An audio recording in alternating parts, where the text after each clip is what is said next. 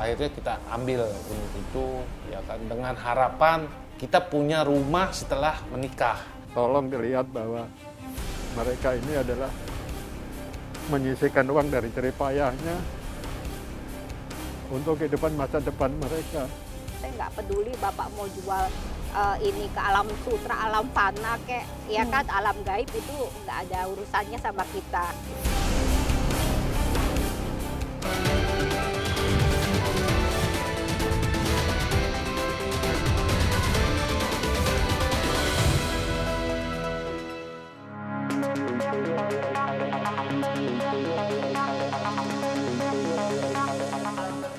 Sejak menikah pada 2002, pasangan Yeti dan Sukamto belum memiliki rumah sendiri. Saat ini mereka tinggal di rumah kontrakan di kawasan Cipondoh, Kota Tangerang dengan biaya sewa 16 juta rupiah per tahun. Pada 2017, keduanya tertarik promosi apartemen Mekarta di Kabupaten Bekasi. Yeti dan Sukamto pun membeli sebuah apartemen berukuran 37 meter persegi seharga hampir 300 juta rupiah di distrik 2 Mekarta.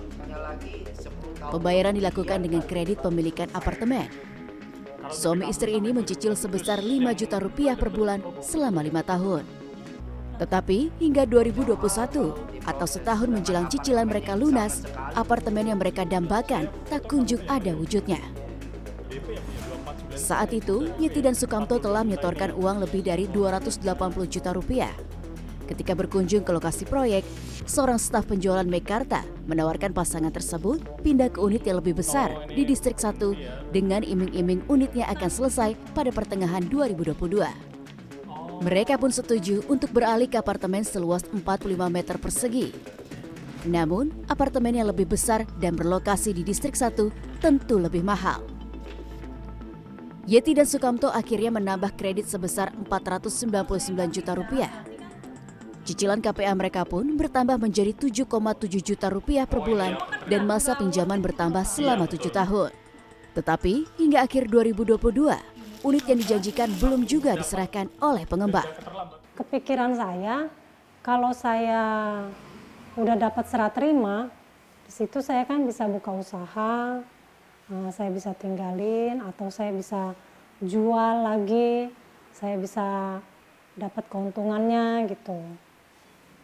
Saya dari awal pindah ke distrik satu aja saya belum pernah dikasih lihat unitnya.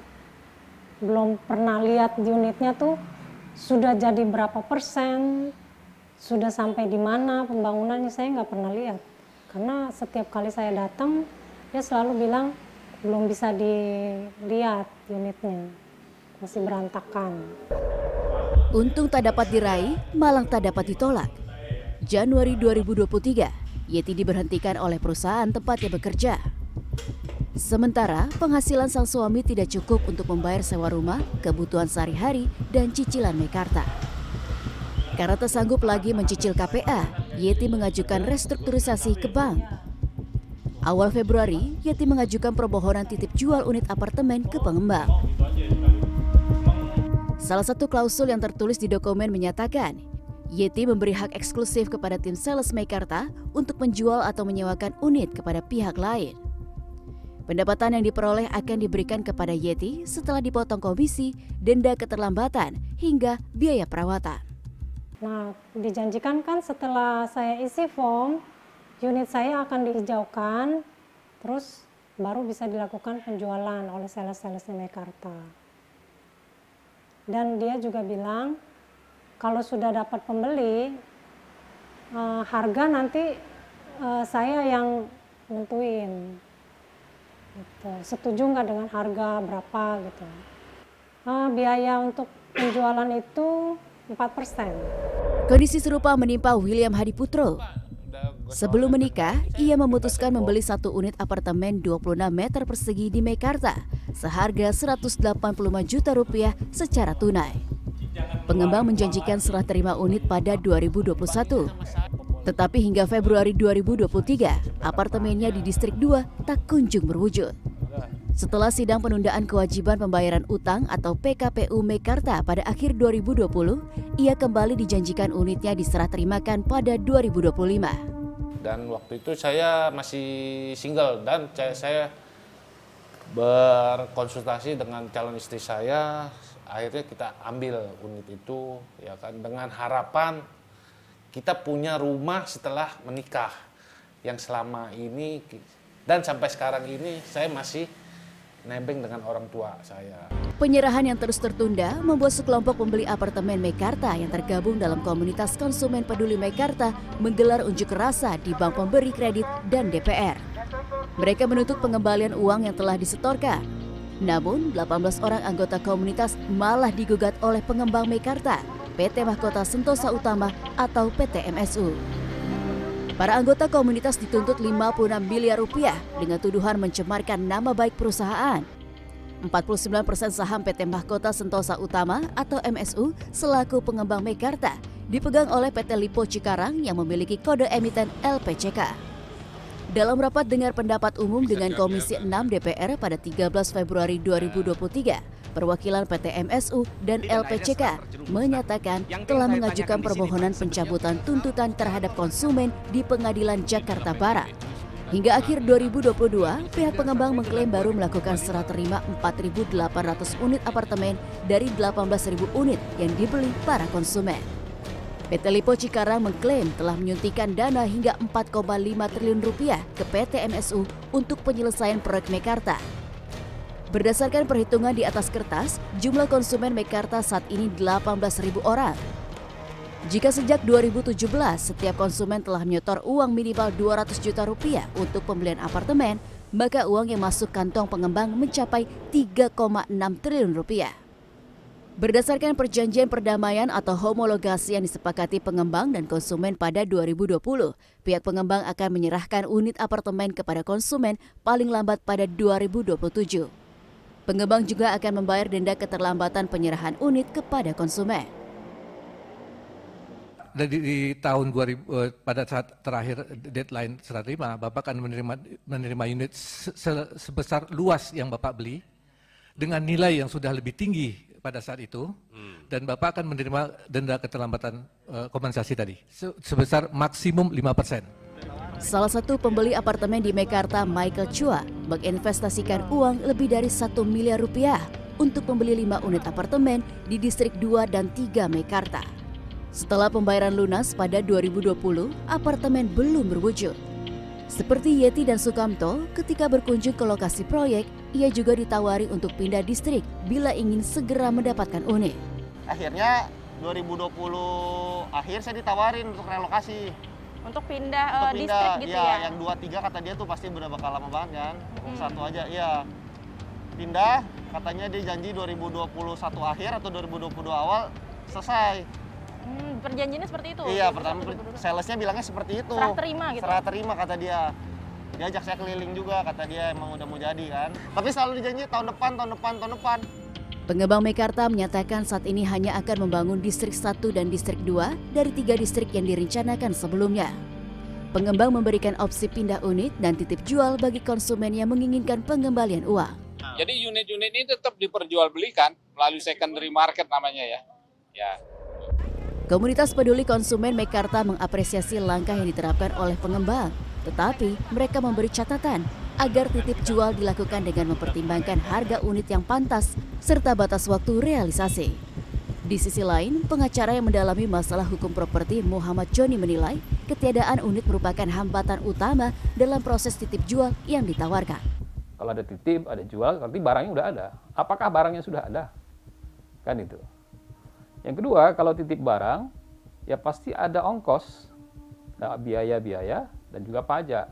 Titipnya kena, jualnya juga kena. Regulator bersama dengan eh, Dewan memberikan mandatori kepada Presiden, buatlah perpres, selesaikan problematika ini secara out of the box. Dan itu sebenarnya presidennya sudah pernah ada. Kalau kita ingat, Pergub DKI Jakarta tentang P3 SRS itu kan sebenarnya bisa dilakukan. Meskipun belum memenuhi pesanan belasan ribu konsumen, pengembang Mekarta masih menjual apartemen kepada konsumen baru. Pihak pengembang mengklaim unit yang dijual kepada konsumen baru merupakan unit sisa di tower yang sedang dibangun. Uh, kalau kita jual sekarang, tadi saya bilang uh, di kelompok keterbangunan fisik itu ada dua kelompok Yang pertama yang di atas 20% yang sudah tentunya ini banyak diminati oleh pemesan. Biasanya orang beli eh, unit yang ini yang di atas 20% dan itu penyerahan unitnya selambat-lambatnya Desember 2025. Sedangkan yang kedua, golongan yang kedua itu yang keterbangunan di, dia di bawah 20% itu nggak nggak kami pasarkan pak kan gitu ya yang kami pasarkan sisa-sisa unit yang masih ada di keterbangunan di atas 20%. Dalam RDPU dengan Komisi 6 DPR, PT MSU mengklaim hingga saat ini pembangunan 28 tower dengan 7.600 unit apartemen hampir selesai. 8 tower untuk 3.200 unit apartemen telah selesai struktur dan 9 tower sedang tahap pondasi. Ribuan unit apartemen akan diserahkan secara bertahap kepada konsumen hingga 2027.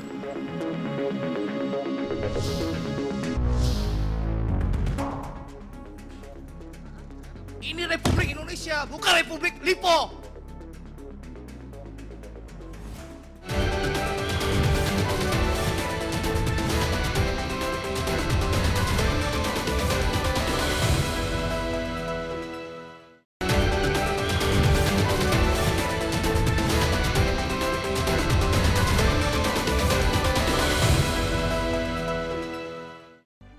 Apartemen Mekarta dipasarkan sejak 2017. Promosi pembangunan kota baru di daerah Cikarang, Kabupaten Bekasi, Jawa Barat tersebut dilakukan secara masif.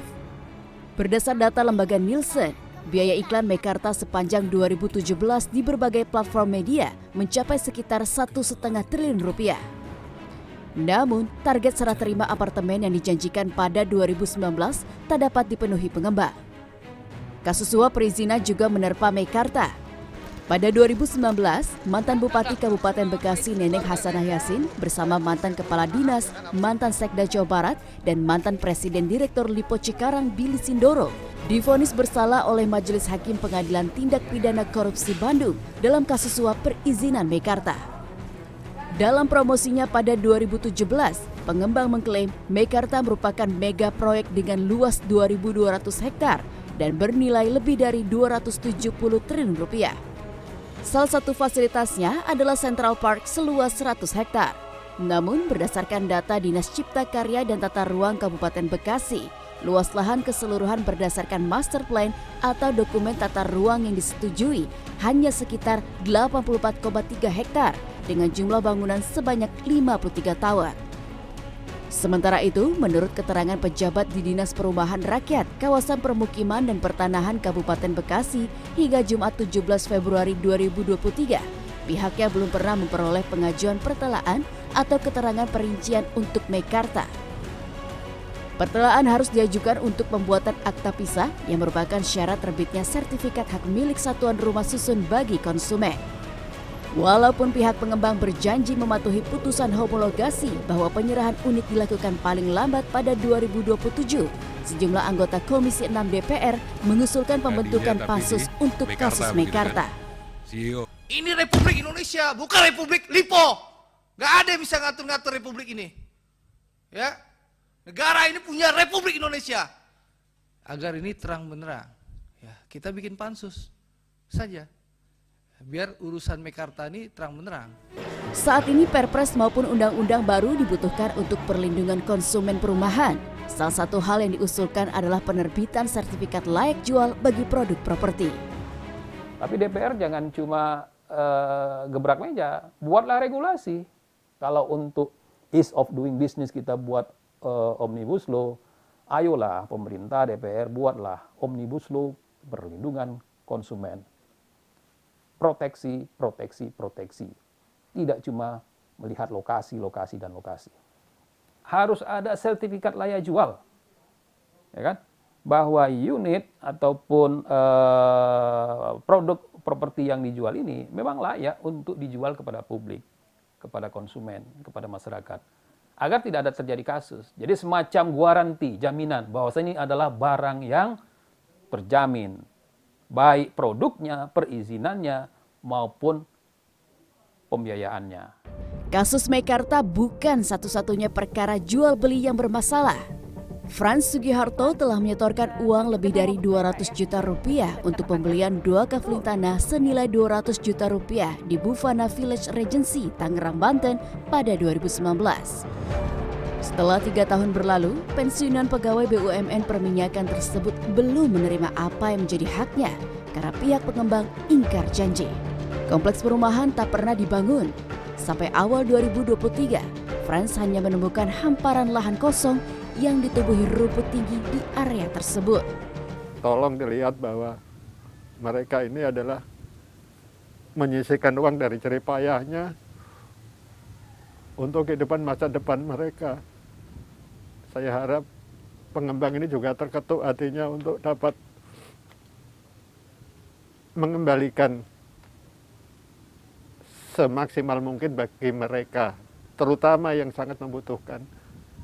Sebelum berubah nama menjadi Bufana Village Regency, kompleks perumahan yang berlokasi di Desa Cikasungka, Kecamatan Solear, Kabupaten Tangerang, dipasarkan sejak 2016 dengan nama Ayana Village Regency.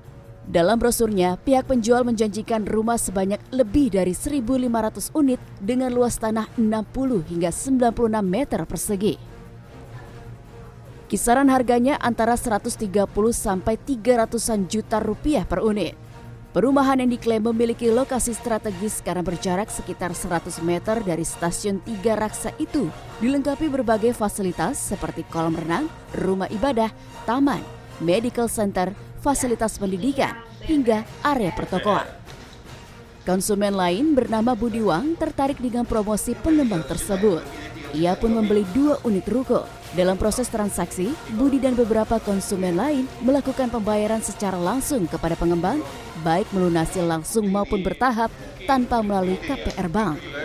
Karena ruko tak kunjung dibangun setelah bertahun-tahun, Budi melaporkan pengembang ke DPRD Kabupaten Tangerang pada Agustus 2022.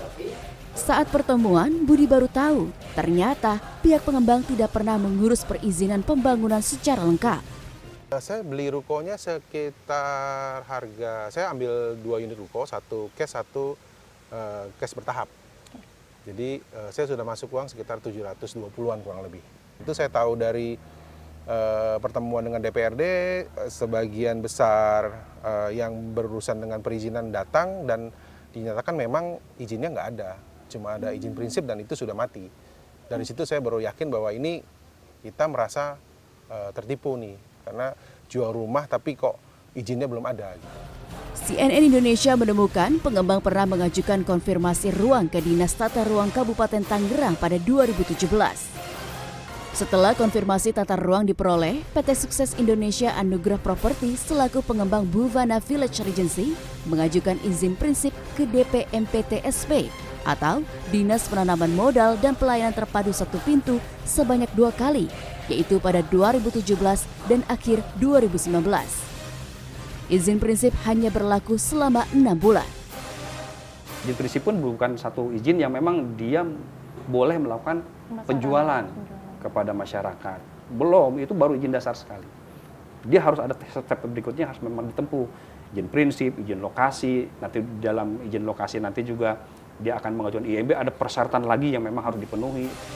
Izin prinsip PT Sukses Indonesia Anugerah Properti telah habis masa berlakunya pada pertengahan 2020. Hingga awal 2023, PT Sukses Indonesia Anugerah Properti tidak pernah lagi mengajukan izin prinsip. Dari tanda tangan tapi karena tidak berizinnya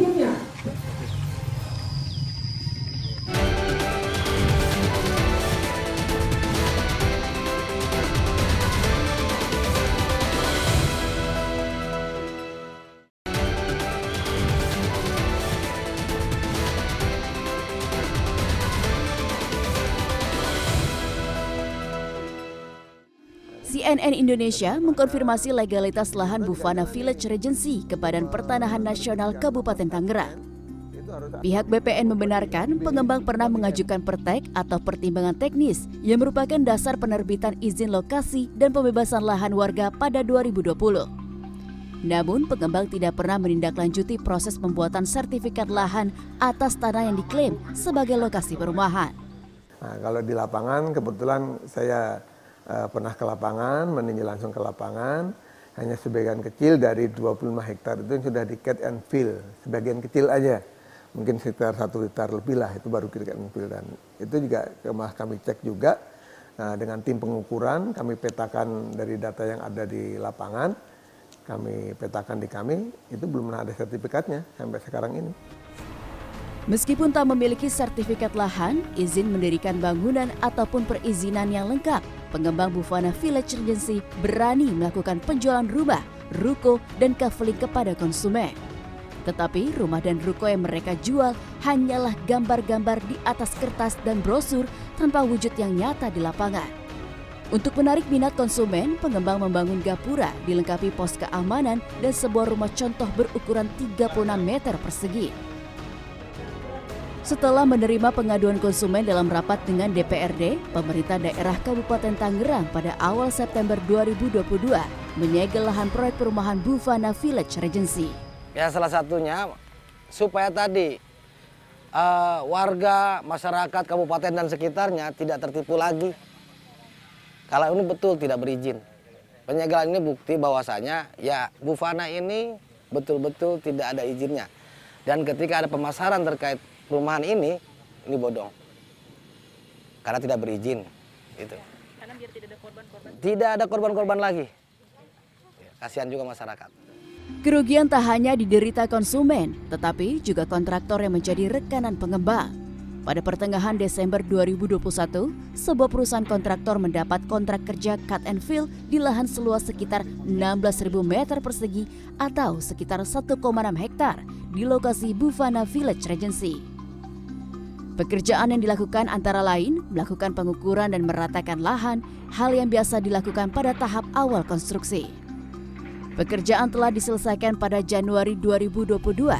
Namun, hingga setahun setelah pekerjaan selesai, tagihan senilai lebih dari 1,2 miliar rupiah tak kunjung dibayarkan oleh pihak pengembang.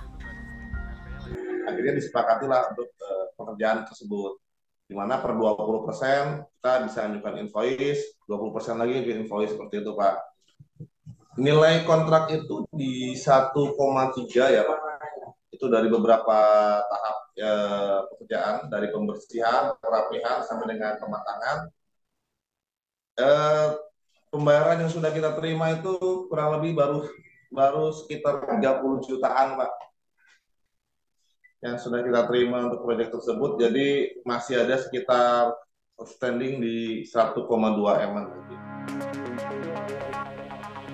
Seorang pembeli bernama Meliana pada 2016 mengeluarkan uang senilai lebih dari 230 juta rupiah untuk memborong 5 unit kaveling tanah di kawasan Ayana Village Regency yang kemudian berubah nama menjadi Bufana Village Regency. Saat itu, Meliana tertarik karena ada diskon hingga 40% untuk pembelian 5 unit kafle. Setelah lebih dari tiga tahun tak kunjung ada tanda-tanda pembangunan, ia pun mulai berupaya agar uang yang telah ia setorkan dapat kembali. Ia mendatangi manajemen di kantor pusat pengembang yang berlokasi di kawasan Tangerang Selatan pada 2019 ketemu sama manajemen waktu itu dan mereka tuh menyatakan uh, pokoknya ini pasti akan dibangun. Dia hmm. menjanjikan seperti itu. Terus uh, dia bilang semuanya sedang uh, ada masalah di internetnya mereka gitu. Terus uh, sempat juga mereka bilang kalau ini lahannya ini mau dibeli sama Alam Sutra. Saya ada recording-recordingnya pada waktu itu. Hmm. Bahkan ada uh, sempat juga saya sempat teriak waktu itu. Saya bilang saya nggak peduli bapak mau jual uh, ini ke alam sutra, alam fana kayak ya hmm. kan alam gaib itu nggak ada urusannya sama kita. Yang pasti kan di mana hak kita kan gitu kan ya. Gitu. Karena memang tidak pernah ini dibangun. Karena tak ada titik temu, pada 2020 Meliana dan sejumlah konsumen melaporkan pihak pengembang ke Polda Metro Jaya dengan tuduhan penipuan. Pada awal 2023, Polda Metro Jaya menetapkan tiga orang tersangka dalam kasus ini dan sejauh mana progresnya saat ini sudah menetapkan tiga tersangka. Ada MBA, ada TLK dan juga ada VW pasal yang dipersangkakan dalam menetapkan proses penyidikan terhadap tersangka ini adalah pasal 378 KUH pidana dan juga pasal 372 KUH pidana.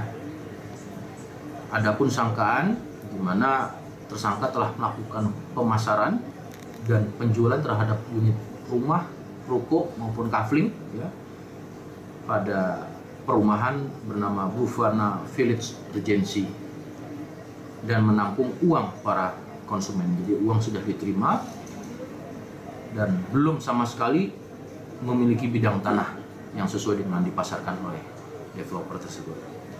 Masih ada lagi kasus properti semacam ini di Jabodetabek. Antara 2019 hingga 2021, Subdit Harda di Treskrimum Polda Metro Jaya menerima dan melakukan penyelidikan maupun penyidikan terhadap lima laporan kasus perumahan bodong dengan modus serupa.